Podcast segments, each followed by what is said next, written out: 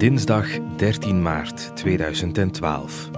Leerlingen van basisschool Stekske in Lommel en Sint-Lambertus in Heverlee keerden terug van sneeuwklasse in Zwitserland. Rond 9 uur s avonds verongelukte de bus in een tunnel ter hoogte van de stad Sierre. De tol is bijzonder zwaar. 22 kinderen en 6 volwassenen komen om. Vlaanderen wordt de volgende ochtend wakker met het vreselijke nieuws. En zo'n nieuws brengen, dat maakte ook op ons een diepe indruk. Ik ben Kirsten Simons en deed mijn allereerste shift als eindredacteur voor Radio 2 Vlaams-Brabant. En ik ben Daan Masset en presenteerde ook toen het ochtendprogramma bij Radio 2 Limburg.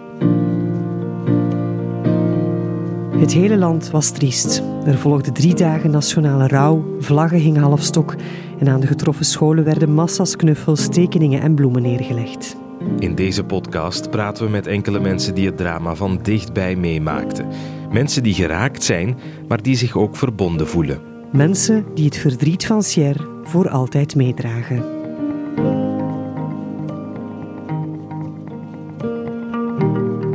Ik zal dat nooit vergeten. Dat, dat, is, dat is een mijlpaal in mijn leven. Ehm, dat is iets dat, dat u nederig maakt ook. Dat u doet beseffen van het ongeluk kan op elk moment toeslaan. Peter van Veldhoven, ooit nog staatssecretaris en minister van Werk, maar in Limburg toch vooral bekend als burgemeester van Lommel tussen 2007 en 2018. Als burgervader begeleidde hij de getroffen Lommelse ouders naar Zwitserland na het busongeval. Ik spreek met hem af in De Soeverein, een groot sportcomplex net buiten het centrum, waar exact één week na het ongeval een grote herdenkingsplechtigheid voor de Lommelse slachtoffers werd georganiseerd. Langs de achteringang, hè? Ja. Ik neem aan dat u hier als burgemeester destijds wel vaak kwam. Ja, Soeverein had een druk programma. was bijna elke, elk weekend dat er iets te doen is. Grote hal. Dus uh, dat bleek voor mij in ieder geval toen al heel snel de enige optie te zijn om uh, ja, het afscheidsmoment samen te kunnen beleven. Hè. Is er iets veranderd sinds 2012 als u hier binnenloopt in de Soeverein? Nee, de Soeverein zelf niet, nee. Ik bedoel, dat is, is nog dezelfde hal. Die voor heel veel dingen daarna, ook veel, heel veel mooie dingen daarna, uh, nog is gebruikt. Hè. Gelukkig misschien. Ja, gelukkig, want in het begin was het ook zo van, ja goed, dat gaat blijven kleven aan de soeverein. Uh, dat ja, immense herdenken, afscheidsmoment. Uh, dat is ook zo, want ik denk dat heel veel mensen zich die beelden nog wel voor de geest halen van dat, uh, van dat afscheidsmoment. -huh. Maar een paar weken daarna is hier, uh, is hier toen ook weer Kinderstad doorgegaan. Ja, dat was de kinderen van Lommel die hier weer kwamen spelen. Dus ja. we wilden ook wel heel snel um, ja, die switch weer maken. -huh. Dus dit moet meer zijn dan ja, de plaats waar ooit herdacht is geweest of waar ooit afscheid is genomen van, uh, Mhm. van zoveel Lommelaars. Het is misschien een beetje oneerbiedig om te zeggen, maar een geluk bij een gigantisch ongeluk dat Lommel zo'n grote arena heeft, want hier was ontzettend veel volk. Ja, dat is zo. Um, en ik herinner me nog dat uh, ik ben dan meegegaan met de ouders naar, uh, naar Zwitserland. Uh, ja, en dat bij mij al heel snel begon te dagen van oei, oei, hoe gaan we dat in godsnaam organiseren in Lommel? Want voor mij was het heel snel duidelijk in Zwitserland, toen duidelijk was dat er 15 kinderen en twee volwassenen het leven gelaten hadden, ja, dat het ja, gewoon niet doenbaar was om in eenzelfde week 17 afzonderlijke begrafenissen te organiseren. Uh -huh. um, en ik ben dan in Zwitserland ja, al eerste gesprekken begonnen met ouders. Uh, wat niet gemakkelijk was natuurlijk, hè, want ze waren natuurlijk ook nog zo ver niet. Um, ze hadden pas afscheid moeten nemen van, van, uh, van, van iemand die een heel, heel dierbaar was. Um, en ja, als ik dan over het gezamenlijke afscheid begon, ja, dan waren er best veel die zeiden van, ja goed, dat willen we echt niet, we willen dat, in, we willen dat gewoon intiem houden. Ja. En nog eens heel begrijpelijk. Maar als je dan zei van ja goed, je moet ook begrijpen dat heel veel mensen die, die het verdriet met je willen delen, die willen dat ook delen met, met al die andere families die afscheid gaan nemen. Hoe gaat het dan nu doen? Uh, gaan, gaat, gaat die mensen die u daarin steunen, gaan die nu vragen van naar 17 verschillende momenten van afscheid te gaan. Ja, goed, dat begon dan stilaan wel voor iedereen duidelijk te worden dat we misschien toch wel moesten kijken naar iets gezamenlijk. de kerk in, in de kolonie is te klein. Was voor sommigen ook geen optie, omdat uh, er waren ook mensen bij die niet gelovig uh, waren. Ook mensen die toen het geloof verloren hebben, laat me dat ook maar even zeggen. Ehm, ja, dus als ik de soeverein opperde, was dat ook bij heel veel mensen, oh, zo'n grote hal en dat willen we allemaal niet. Dus ja, goed, dat was een, een procedure geweest van, van voortdurend ja, met de mensen spreken. Hè, want, maar voor ons was, was het goed dat we bepaald met de beslissing hadden, het wordt de soeverein. Dan we hier ook beginnen. Heel veel steun van Lommelaars gekregen, zo massaal veel steun, dat we op een bepaald ogenblik ook mensen gewoon hebben moeten weigeren hier. De mensen die dienden zich hier aan, de soeverein, om om alles te komen klaarzetten, om bloemen te maken. Om, ah, was gigantisch, was gigantisch. Dat viel toen wel op en waarschijnlijk ook als burgemeester destijds. De solidariteit in Lommel was en waarschijnlijk ver daarbuiten enorm. Ja, het was iets wat ja, de Lommelaars natuurlijk in het hart geraakt heeft, maar ik denk dat dat in, in heel België het geval was. Ehm, dus heel België voelde die pijn van, ja, van een kind verliezen. Ja, niemand wil dat meemaken en hier heeft zich dat voor 15 kinderen gemanifesteerd. Hè. In, uh, in Heverlee zijn er zeven kindjes die uh, het leven gelaten hebben. Ja, dat, is zo, dat komt zo binnen bij iedereen. Ja, dat ook iedereen het gevoel had van, ja, ik wil op een of andere manier toch tonen dat ik, dat ik meeleef en dat ik mee wil helpen. Ja. En dat was, in die donkere dagen was dat toch wel zo een mooi lichtpuntje, een mooi, eh, een beetje zonnig gegeven. Trouwens, op het moment van de herdenking hadden we schitterend weer in Lommel. Ja. Herinner je dat moment nog dat je hier binnenliep? Wat dat je zag toen? Ja, ik ben hier natuurlijk vroeg binnengelopen. Hè. Ik, eh, ik was morgens al heel vroeg hier. En uh, toen waren we nog volop met de voorbereiding bezig van... Uh, ja, Scala was er hier, die waren aan het repeteren. En die gingen van het podium af en al die jonge meisjes waren aan het huilen. En ik herinner me nog wel dat... het Koningshuis ging dan komen. Hè. Ook het Nederlandse Koningshuis. En dat ik de koning en de koningin aan de zijkant moest die dan gaan uh, ophalen. En die kwam langs de zijkant binnen. En dat koningin Paola achteraf tegen me zei van, ja, ik was, toen ik die kistjes zag liggen als ik binnenkwam, ja, dat heeft me echt de adem afgesneden, zei ze. Dat was zo pakkend. Uh, ik denk dat ze daarmee bedoelde dat het dan ook pas echt binnenkomt hoe erg het allemaal is. Maar ik moet wel zeggen, als ik achteraf die beelden zie, Ehm, ja, dat is ook denk ik een beeld dat heel veel Belgen zich nog voor, voor ogen hebben. Van hoe die kist hier stond opgesteld met de grote lusters daarboven en een, en een schemerige zaal met de families daarachter.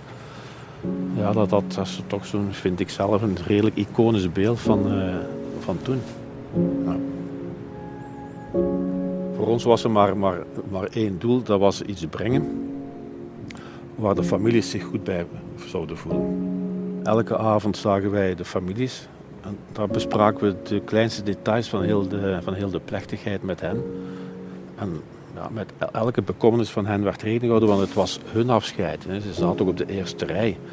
Ehm, de VIP zal ik maar zeggen. Uh, die moesten naar de tweede rij schuiven. Dus het was echt voor hen en het uh, was ook van hen. En daar zijn we wel in geslaagd, denk ik. En we hebben daar niet gezocht naar, uh, we willen de mooiste of de beste of wat dan ook zijn. Het moest iets zijn ja, dat gedragen was door de ouders en waar de ouders ook ja, ja, een beetje, beetje moed uit konden putten voor de, voor de tijd die daarna zou komen. Die natuurlijk bijzonder moeilijk is geweest tot op vandaag voor veel families natuurlijk.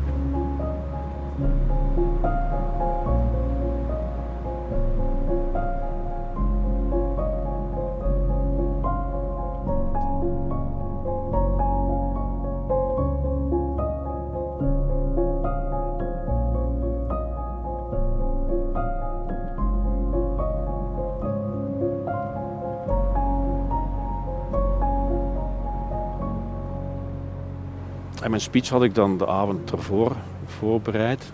op muziek trouwens van Bram Vermeulen, die ik ook in mijn speech heb vernoemd toen.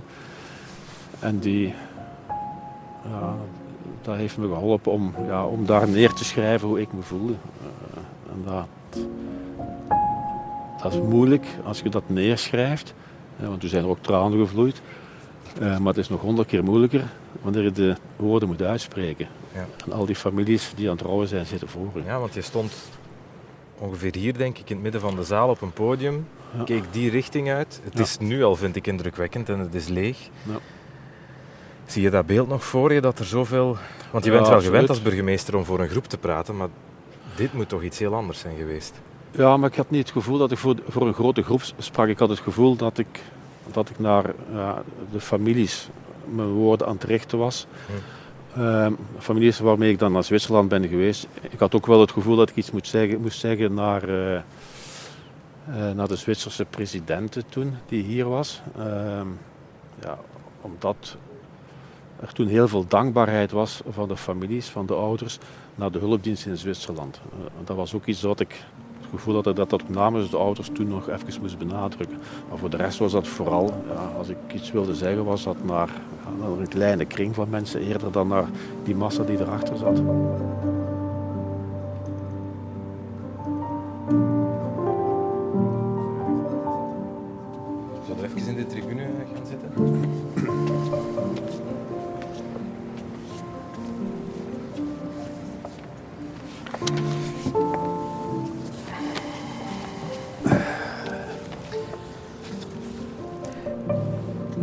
Van Veldhoven, weet jij nog hoe jouw agenda er eigenlijk had uitgezien op 14 maart 2012? Geen idee. Nee, absoluut niet. Nee. Want het is allemaal begonnen voor jou in de, de vroege ochtend. Telefoon gekregen rond drie uur s'nachts. Ja. Wie belt jou dan op? Ja, wie mij opbelde was de directeur van een... Uh een school van het lager onderwijs in Lommel van het, uh, het katholieke net van, de, van Kerkhoven. En die belde mij om te zeggen van ja, zegt hij, ik ben gebeld door iemand van de organisatie van de, van de sneeuwklasse. Die op zoek was naar de telefoonnummer van de directrice van Stekske. En uh, die had hem dan gezegd, en die boodschap kreeg hij dan van hem door ja, dat er een uh, ernstig busongeval gebeurd is en dat daar lommelse kindjes uh, in die bus zouden, zouden zitten. Uh, maar voor de rest, het zou zwaar zijn, maar voor de rest wist hij niks. Ja, dat is, dat is zo'n boodschap die, die nog niet echt binnenkomt. In de zin van, ja goed, ernstig, wat is ernstig? Ehm, maar goed, je staat dan op, drie uur s'nachts. Ja, en wat doet het dan? Ja, gaat daar terug op PC zitten en je begint op de nieuwsites te zoeken of je iets vindt. Ja, je vindt niks. Dan heb ik zo tot een uur of vier uh, ook de Zwitserse sites beginnen te, te, te bekijken. Of daar is, stond ook niks op.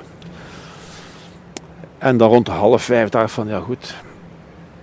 Ik ga eens proberen te bellen naar de Zwitserse ambassadeur, onze Zwitserse ambassadeur, onze, de Belgische ambassadeur in Zwitserland ja, telefoonnummer opgezocht, dus ik bel daar naartoe om half vijf s morgens, denk ik dat het was, of misschien iets vroeger.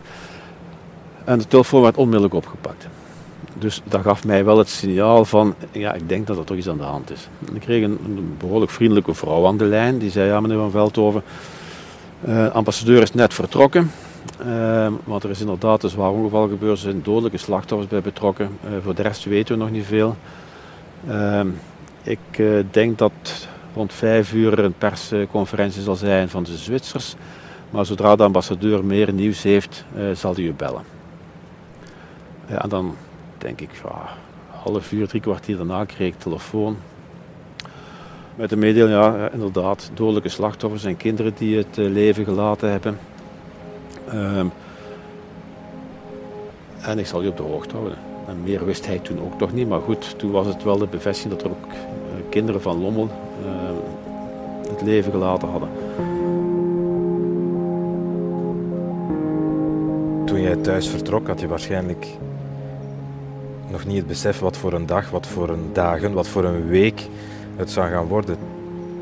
Nee, totaal niet. En dat besef is ook maar heel stil binnengekomen. Ook toen ik in de school zat, ja, je beseft dat dat iets ergs is, maar ja, hoe, hoe, massief dat, dat is, dat besefte echt nog niet op dat moment. Ehm, dat is zoiets dat, ja, dat naar gelang de dag vordert, krijg je die impact zwaarder en zwaarder binnen. En enkele uren later zit je dan op een vliegtuig naar Zwitserland, want je bent met de, met de ouders mee vertrokken naar, naar Zwitserland. Dacht je dat dan zelf ook van, oh, plot, plots zit je in Zwitserland dan? Ja, plots zat ik in Zwitserland. Um, Want dat is toch een beetje hol door de bolder gaan. Plots krijg je dan telefoon van, ja, er staat een vliegtuig klaar. Ja, en dan was bij mij zo de vraag, wat moet ik nu doen? Ga ik hier blijven of ga ik meegaan? En ik had dan eerst met mijn brandweercommandant besproken en die zei, ja, ik denk, ik denk dat je hier moet blijven. Zegt hij, want als je hier die pers allemaal ziet, ik zeg, je zegt van, ja, ik denk dat je hier moet blijven. Dus ik leg dat voor aan de crisiscel, aan de andere leden van de crisiscel. En dat was verdeeld. En dan uh, heb ik beslist, omdat ik ook wel wist met een eerste schepen, dus Chris Verduik, die ook de scheep van onderwijs is, ja, uh, ja dat die dat... Uh, dacht ik een lommel wel goed zou kunnen, kunnen in handen nemen, heb ik gezegd van ik ga meegaan. Maar ook niet goed wetende van, ja, ga, ik, ga dat belangrijk zijn dat ik, dat ik meega, ga ik iets kunnen doen, überhaupt, uh, als ik kinder ben. Ja, en dan zitten, ja, toch bijna, ik denk dat we rond een uur of tien met de bus vertrokken zijn, tot zes uur s'avonds toen we pas in Zwitserland in het hotel aankwamen, zitten, zitten toch acht uur lang.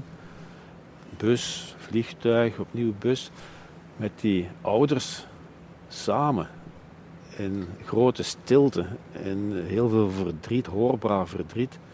Ja, dat is, en dan op die momenten komt de impact ook bij jezelf binnen. Had je het gevoel dat je dan iets kon doen? Op dat moment nog niet echt. Ik, ik, ik, ik kan daar niet de vinger op leggen dat ik dacht van ga dit of dat kunnen doen. Maar eenmaal kinder, eh, ja, ontplooide dat zich vanzelf eigenlijk wat mijn rol was. Ehm, dat was onmiddellijk natuurlijk, ook daar was een massa pers aanwezig. Uh, ja, mijn rol was natuurlijk de, beetje de verbinding zijn tussen, ja, tussen dat verdriet en die families die met, met, met, ja, met dat verdriet bezig waren, met, met, met ja, te beseffen van ja, wat er hen is overgekomen. En dan ja, aan de andere kant die massale pers en die druk daarvan, die ook voortdurend ouders belden en zo verder. Op een tweede, waar ik op een bepaald moment ook mijn rol uh, heel erg in heb kunnen opnemen, maar goed, dat besefte van tevoren ook niet. Ja, dat is de connectie met de federale regering toen. Ja. En met de nationale crisiscel, omdat ja, ik kende al die ministers persoonlijk. Ik had een telefoonnummer in, uh, in mijn adressenboekje staan. Dus ik, ik, belde die op en ik legde hen uit wat het probleem was. Want ik herinner me nog een bepaald ogenblik dat uh, de federale regering had dan beslist dat Ehm, de ouders naar huis zouden komen samen met de kinderen, met de kistjes. Uh, maar dat zou pas het vrijdag gebeuren dat de kistjes zouden terugkomen. Ja, de ouders, en dat was met goede bedoelingen denk ik dat men dat uh, in Brussel beslist had. Omdat men dacht van ja goed, de ouders die zullen bij hun, uh, bij hun kinderen willen blijven totdat ze in Zwitserland terug vertrekken. Dat was totale misrekening, want de ouders willen zo snel mogelijk terug naar België. Naar hun familie. Er zaten heel veel heel veel ouders hadden nog andere kinderen die ze natuurlijk ook wilden vastpakken en knuffelen en, en, en verdriet delen. Dus die ouders wilden onmiddellijk naar huis. Dus dan is het goed dat, dat ik daar ben en dat onmiddellijk paar telefoons kan doen. Dus is dat ook onmiddellijk rechtgezet. Dus een aantal van die praktische dingen die ik toen wel heb kunnen doen. Ja, je hebt dan praktisch je werk. Je kan dingen uit handen nemen van de ouders. Langs de andere kant kan ik me voorstellen dat je op het vlak van verdriet en rouw, dat je een beetje machteloos staat ten opzichte van die mensen. Ja, dat staat, je kunt daar niks. Je kunt... Was dat moeilijk? Dat, je daar niks aan kan doen? Je kan alleen maar toekijken? Dat is heel moeilijk en dat is in het begin inderdaad is dat vooral toekijken, maar je bent dan continu met die families daar en dan wordt er toch gesproken. Um, en dat is niet in de zin van um, ja, dat ik daar tegen iedereen moet zeggen van enige deelneming, ja, dat was totaal overbodig. Ik ben daar met, met die families. We hebben dan met elkaar gesproken. Ik heb een verdriet gevoeld natuurlijk. Ik heb een, een, een, een woede gevoeld op bepaalde momenten. Al die emoties heb ik, heb ik daar meegemaakt hen. Ja.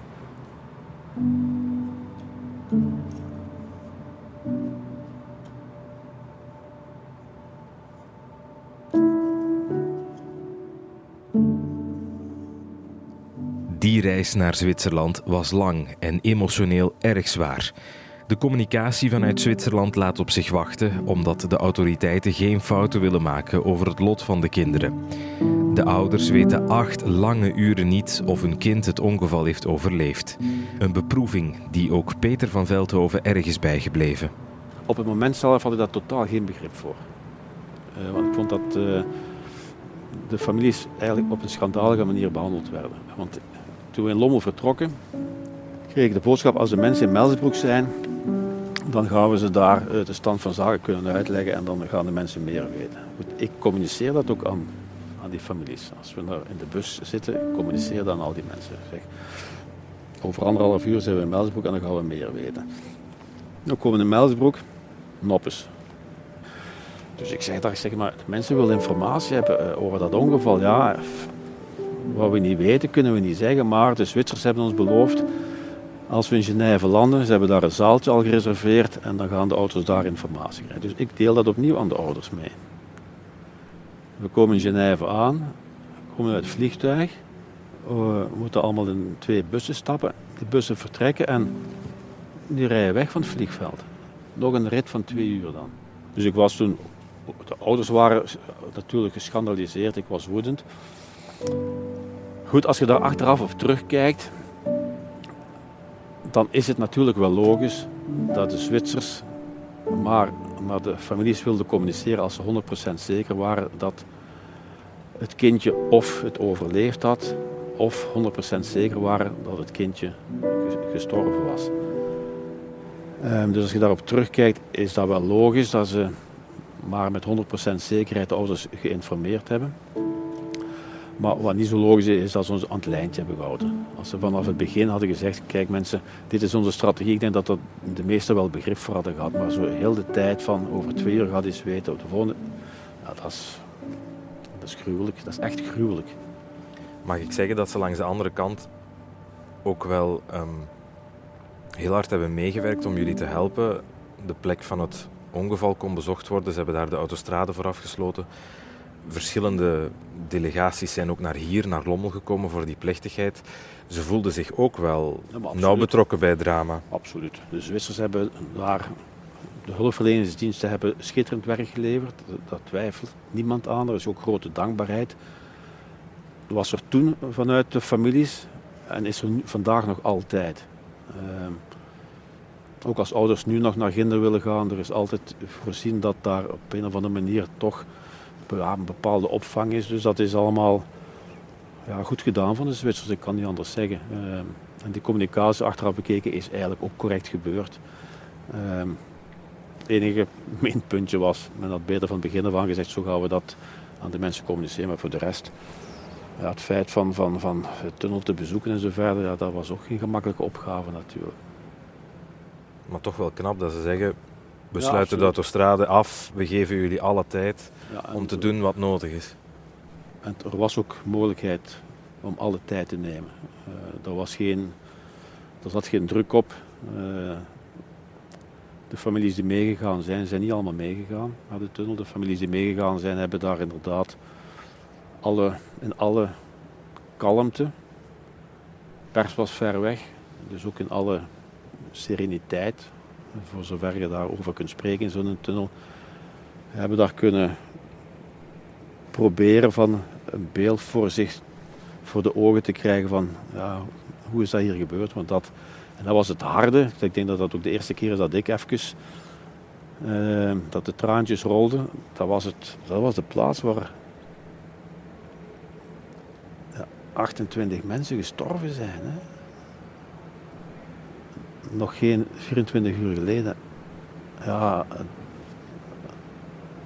Dus ik ben, ja, het is goed dat ik er geweest ben. Um, en het heeft me ook geholpen, denk ik, dat ik het gezien heb. Dat ik, dat ik het kan vastpakken van daar is het gebeurd.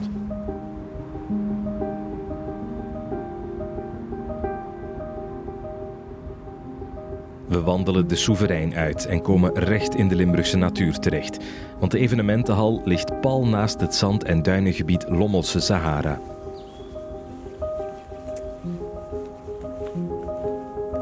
Had hier in Lommel iemand specifiek waar dat je op kon steunen?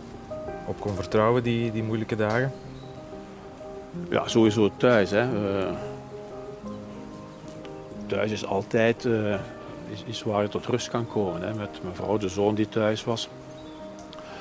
Um, voor de rest had ik heel veel gehad aan, uh, aan mijn communicatiedame. Ehm, heel veel gehad aan de brandweercommandant, waar ik altijd heel nauwe lijnen mee had.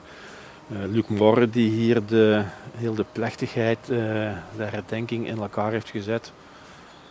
Dat zijn mensen waar ik voortdurend ja, mee in contact was. Maar goed, ik noem er nu drie, maar er zijn er eigenlijk tientallen geweest die, die ja, voortdurend daar waren om te helpen, daar waren om mij te steunen. Uh, en niet alleen steun in het werk, maar ook een beetje steun in het, ja, het verwerken van al die emoties. Hè. De brandweer heeft ook voor Lommel, voor de ouders, voor jou ook een enorme steun uh, betekend. Hè? Ja, absoluut. En dat, ik weet niet of dat zo, zo geweten is, maar uh, ja, de brandweer heeft op verschillende momenten een belangrijke rol gespeeld eigenlijk. Uh, ja, Jan Joris, de brandweercommandant, ook een persoonlijke vriend, die, uh, die was voor mij het verlengstuk in de nationale crisiscel. Dus ik had gevraagd dat iemand daar mocht in zitten. Ik heb daar uh, Jan naartoe gestuurd en dat was denk ik de gouden zet. Um, dus hij belde me continu van geen als het dreigde dingen te beslissen waarvan hij dacht van dat gaat in Londen fout vallen. En dan kon ik via de ministers weer ingrijpen. Dus dat, die combinatie die heeft ons denk ik best wel wat leed bespaard. Um, iets anders was uh, dat uh, natuurlijk heel veel mensen bloemen gingen neerleggen aan de stekske aan de school.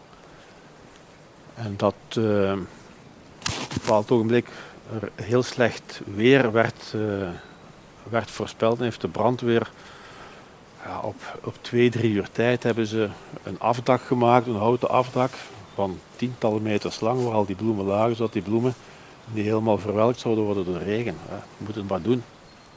Op een bepaald ogenblik kregen we vanuit Zwitserland heel veel materiaal dat men uit de bus had, terug, in de bus had teruggevonden dat ging over kleren, dat ging over uh, juwelen, dat ging over van alles nog wat dat in de bus gevonden was.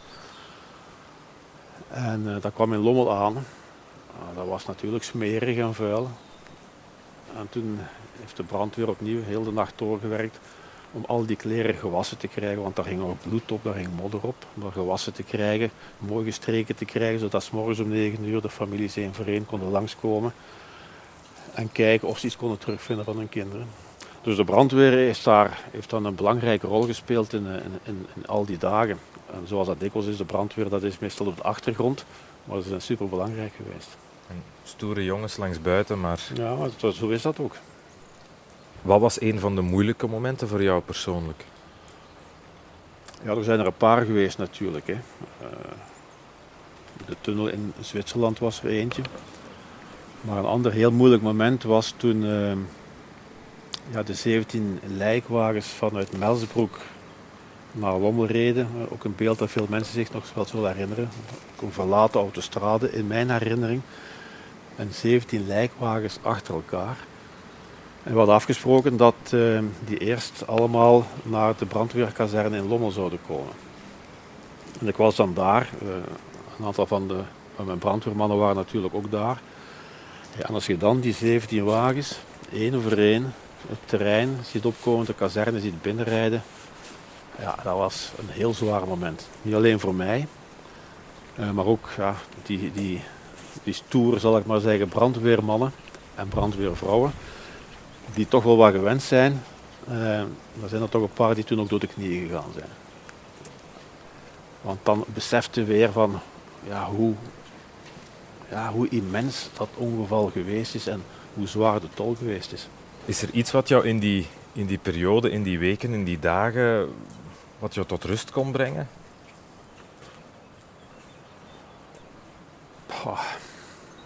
Tot aan de herdenking eigenlijk niet, denk ik. Dat was zeer hectisch.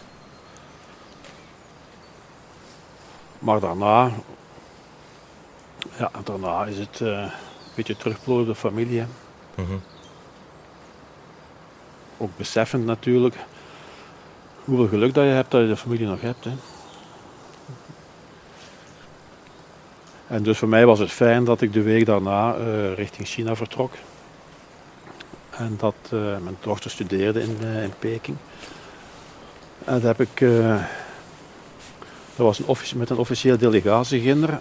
maar los van het officieel had ik dan voorzien dat ik een, denk ik, drietal dagen nog apart met mijn, met mijn dochter een aantal dingen kon doen. En dat is iets, denk ik, wat mij geholpen heeft om het, ja, om het een plaatsje te geven, zodat het niet voortdurend nog in mijn hoofd zat. Ehm, de mensen die toen met mij ginder waren,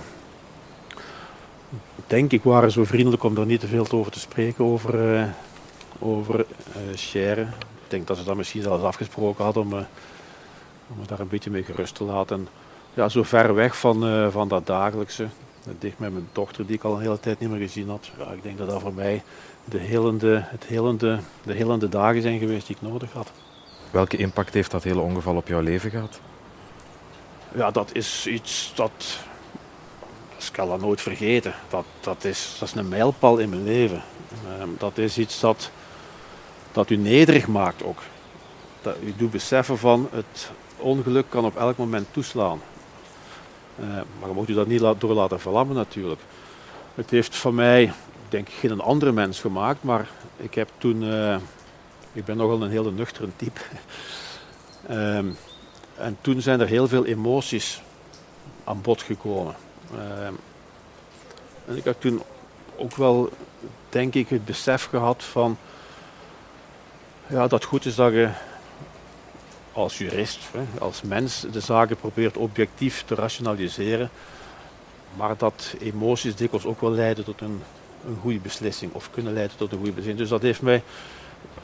ik, ik, laat emoties meer toe dan vroeger, omdat ik gevoeld heb toen dat dat. Ja, is, is dat helpt ook.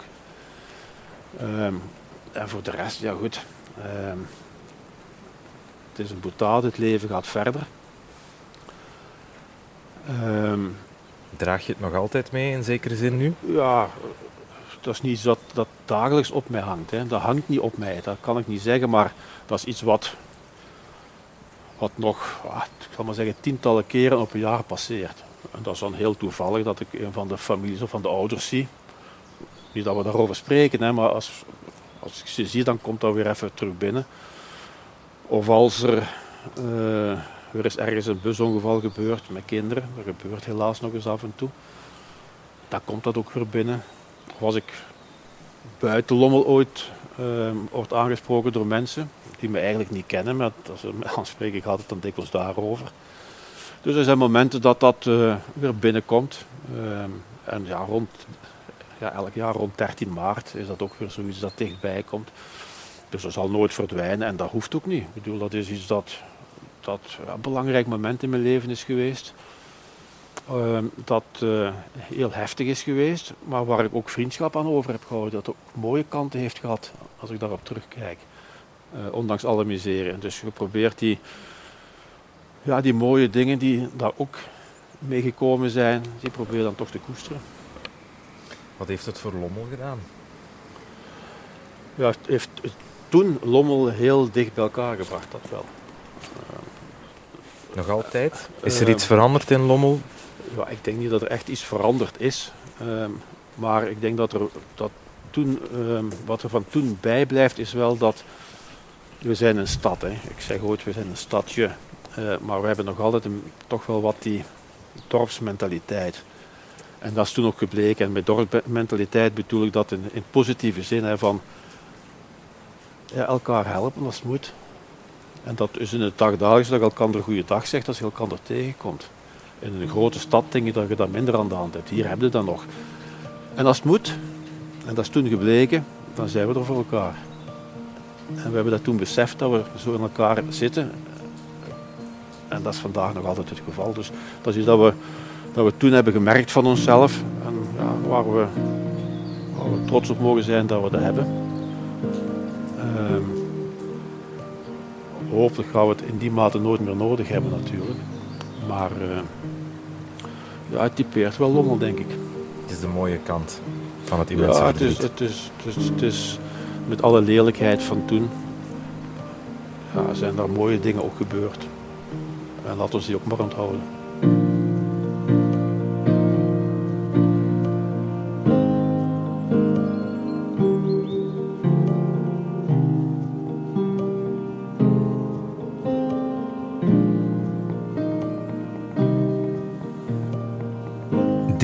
Was het verdriet van Sierre met Peter van Veldhoven.